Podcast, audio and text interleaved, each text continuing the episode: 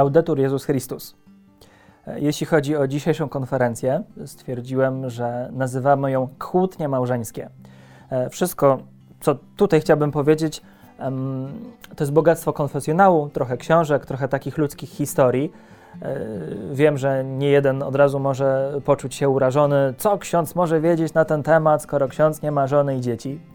E, przypomina mi się tutaj taka historia. Historia mojego znajomego księdza, który został poproszony przez księdza proboszcza o to, aby poprowadzić spotkanie dla mężczyzn, e, których dzieci przygotowują się do pierwszej Komunii Świętej. Nie ma nic trudniejszego dla księdza, to już muszę szczerze powiedzieć, dlatego że to jest festiwal najczęściej ludzi niewierzących, którzy tradycyjnie podchodzą do Komunii Świętej, bo musi być, a nieważne, że nie mam nic wspólnego z Kościołem i moje dzieci i tak dalej nie będą praktykować.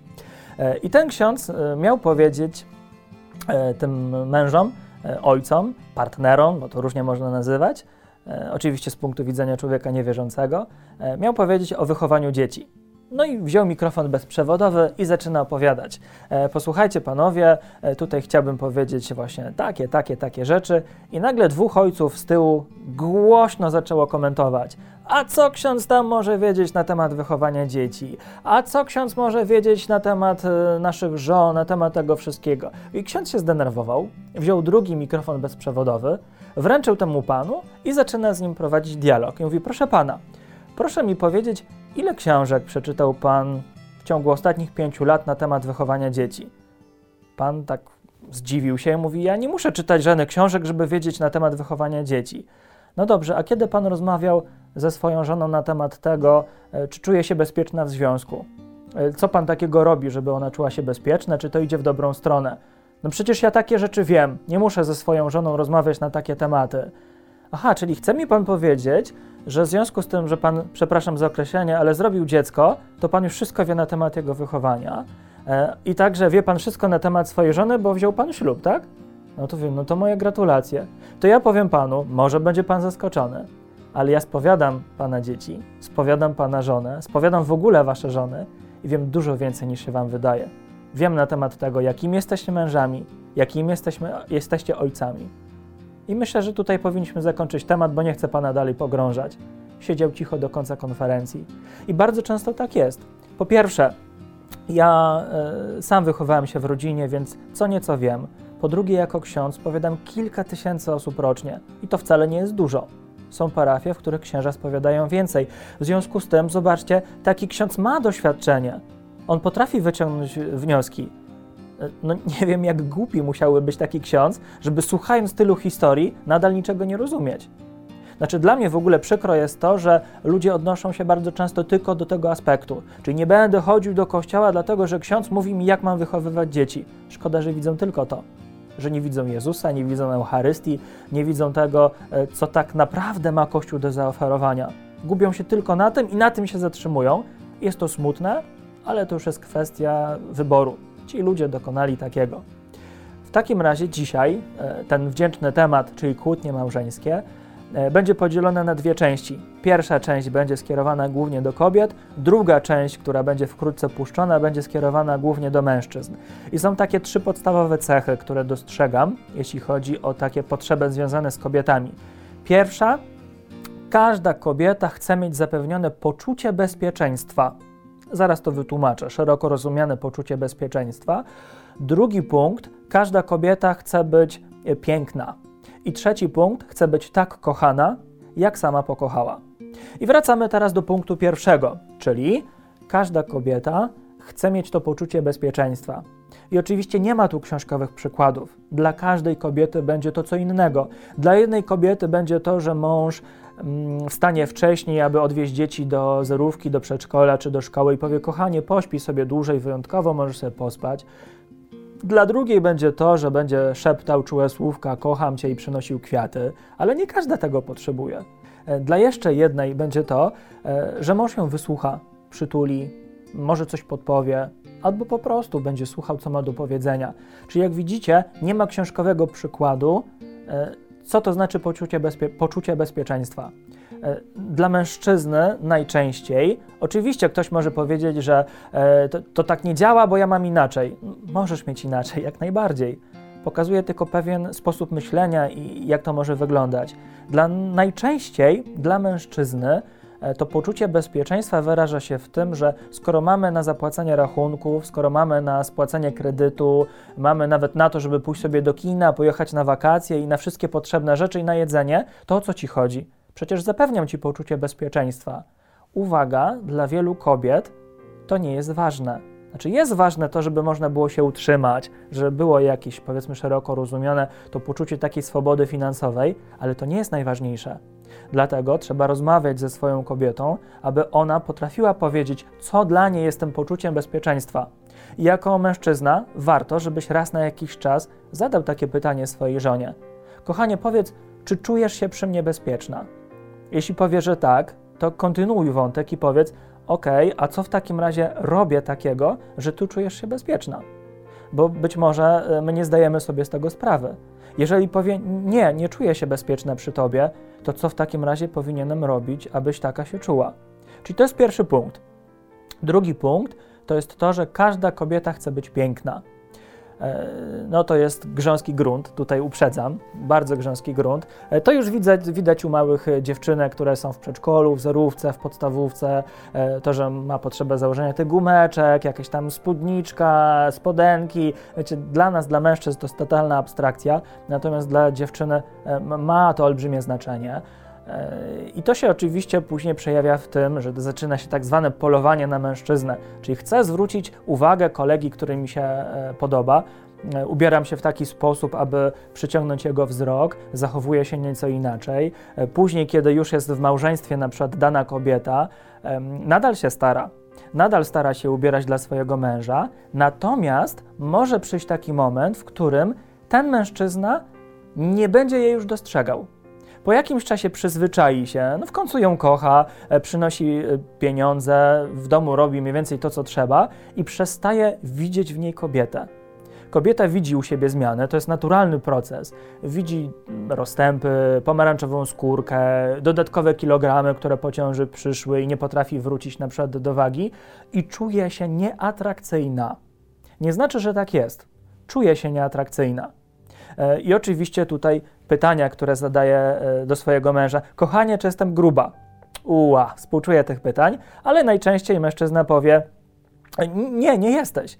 I zaczyna się kłótnia, dlatego że e, no, ona widzi w lusterku, że jest.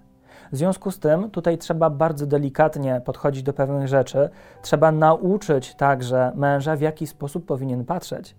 Mój znajomy fajny, bardzo fajnie do tego dojrzał. E, to jest mężczyzna, który ma teraz 60 e, lat e, i, i spróbował pokazać, w jaki sposób on do tego dochodził.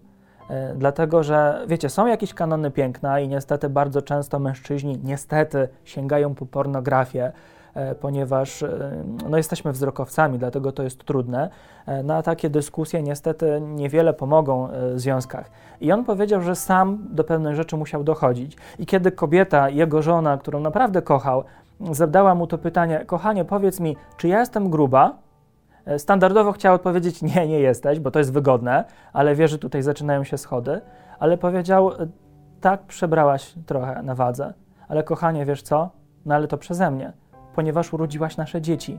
W związku z tym to jest normalny proces i ja kocham te kilogramy. Naprawdę? No tak. I wiecie, on był wiarygodny, bo on naprawdę w to wierzył. E, ale mówi, ale zobacz, no ale mam zmarszczki. No masz. No masz zmarszczki, no ale przecież to są moje zmarszczki, ja je kocham. Kto był dla ciebie takim problemem przez tyle lat w małżeństwie? No ja. Więc przeze mnie masz te zmarszczki i ja nie chcę tego cofnąć. Ja kocham ciebie taką, jaką jesteś. I tutaj dzięki temu, że ona poczuła się naprawdę zaakceptowana przez męża, poczuła się piękna, poczuła się kochana, od razu poczucie bezpieczeństwa też trzymało się na dobrym poziomie. Czyli widzicie, jak to jest ze sobą powiązane. No dobrze, i mamy trzecią rzecz, czyli e, każda e, kobieta chce być tak kochana, jak sama pokochała.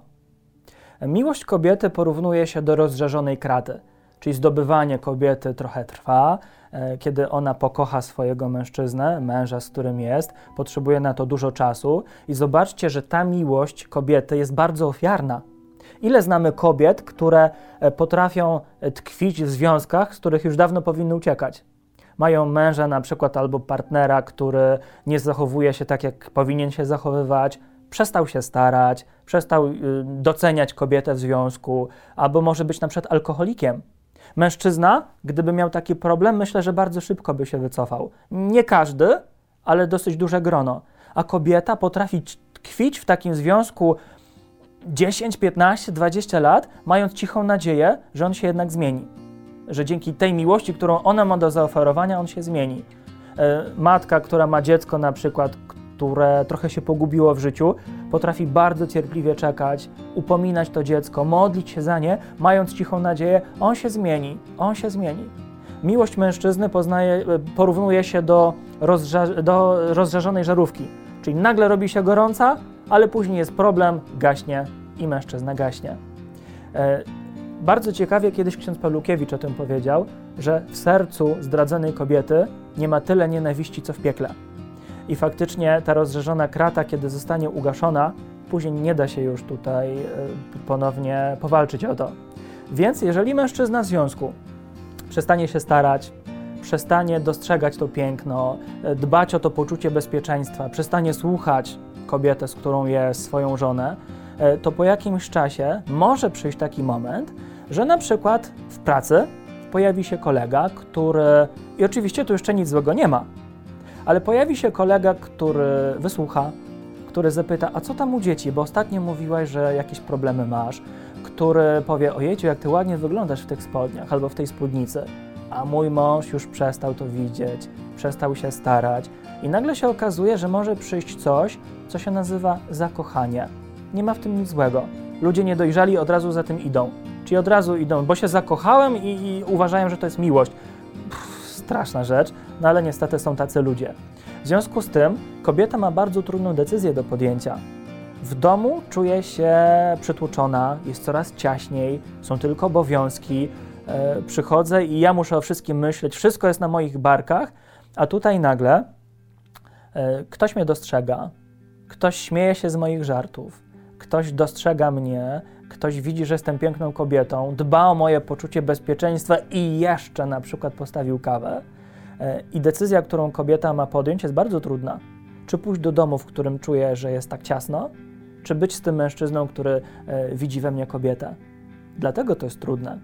Dlatego mężczyźni muszą walczyć o swoje kobiety, muszą się starać. Oczywiście może być tak jak w tych żartach, że jeżeli powiedziałem w dniu ślubu, że cię kocham i tego nie odwołałem, to cię kocham. No, no może tak być, no ale to za mało. Dlatego proszę mężczyzn o to, aby walczyli, ale kobiety proszę o to, aby nauczyły mężczyzn, w jaki sposób walczyć. My się niczego nie domyślimy, o tym oczywiście powiem w kolejnym odcinku, ale żeby było to ważne. Chciałbym się odnieść do takich badań, które niedawno wpadły mi w ręce. Są to badania amerykańskiej y, socjolog Mercedes Wilson. Ja oczywiście mogę pomylić tutaj kwestie y, szacunkowe tych liczb, które były podawane. Y, chciałbym, żebyście sami poszukali, ale żeby zobaczyć, jaki wpływ mają pewne fakty. I ona na początku zaczęła badać, oczywiście badania trwały kilka lat, mnóstwo par przebadała, zaczęła badać kwestię rozpadu związków. E, czyli na początku były to luźne związki. Okazało się, że aż 50% związków to nieudane związki i muszą się rozejść. Nie są w stanie być sobą.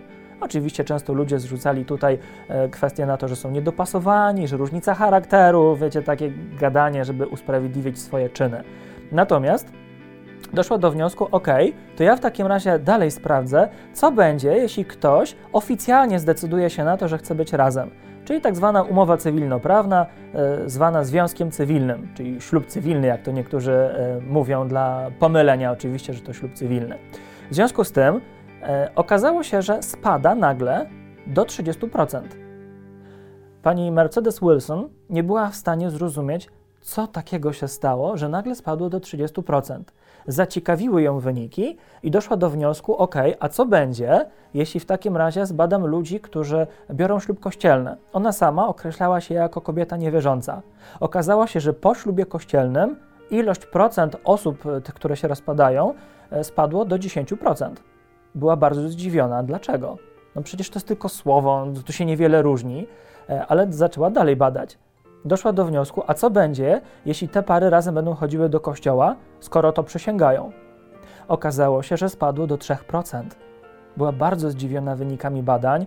Oczywiście robi się wszystko, żeby nie powoływać się na tę kobietę, na jej badania, mówiąc, że to jest niewiarygodne. Wiecie, wszystko, co będzie katolickie, będzie niewiarygodne w pewnych środowiskach, ale żeby pokazać. I dalej chciała sprawdzić, ok, w takim razie, skoro mamy ludzi, którzy wzięli ślub kościelny, którzy chodzą razem do kościoła, a co będzie, jeśli takie pary zaczną się wspólnie modlić? Okazało się, że do trzech setnych spadła ilość rozwodów.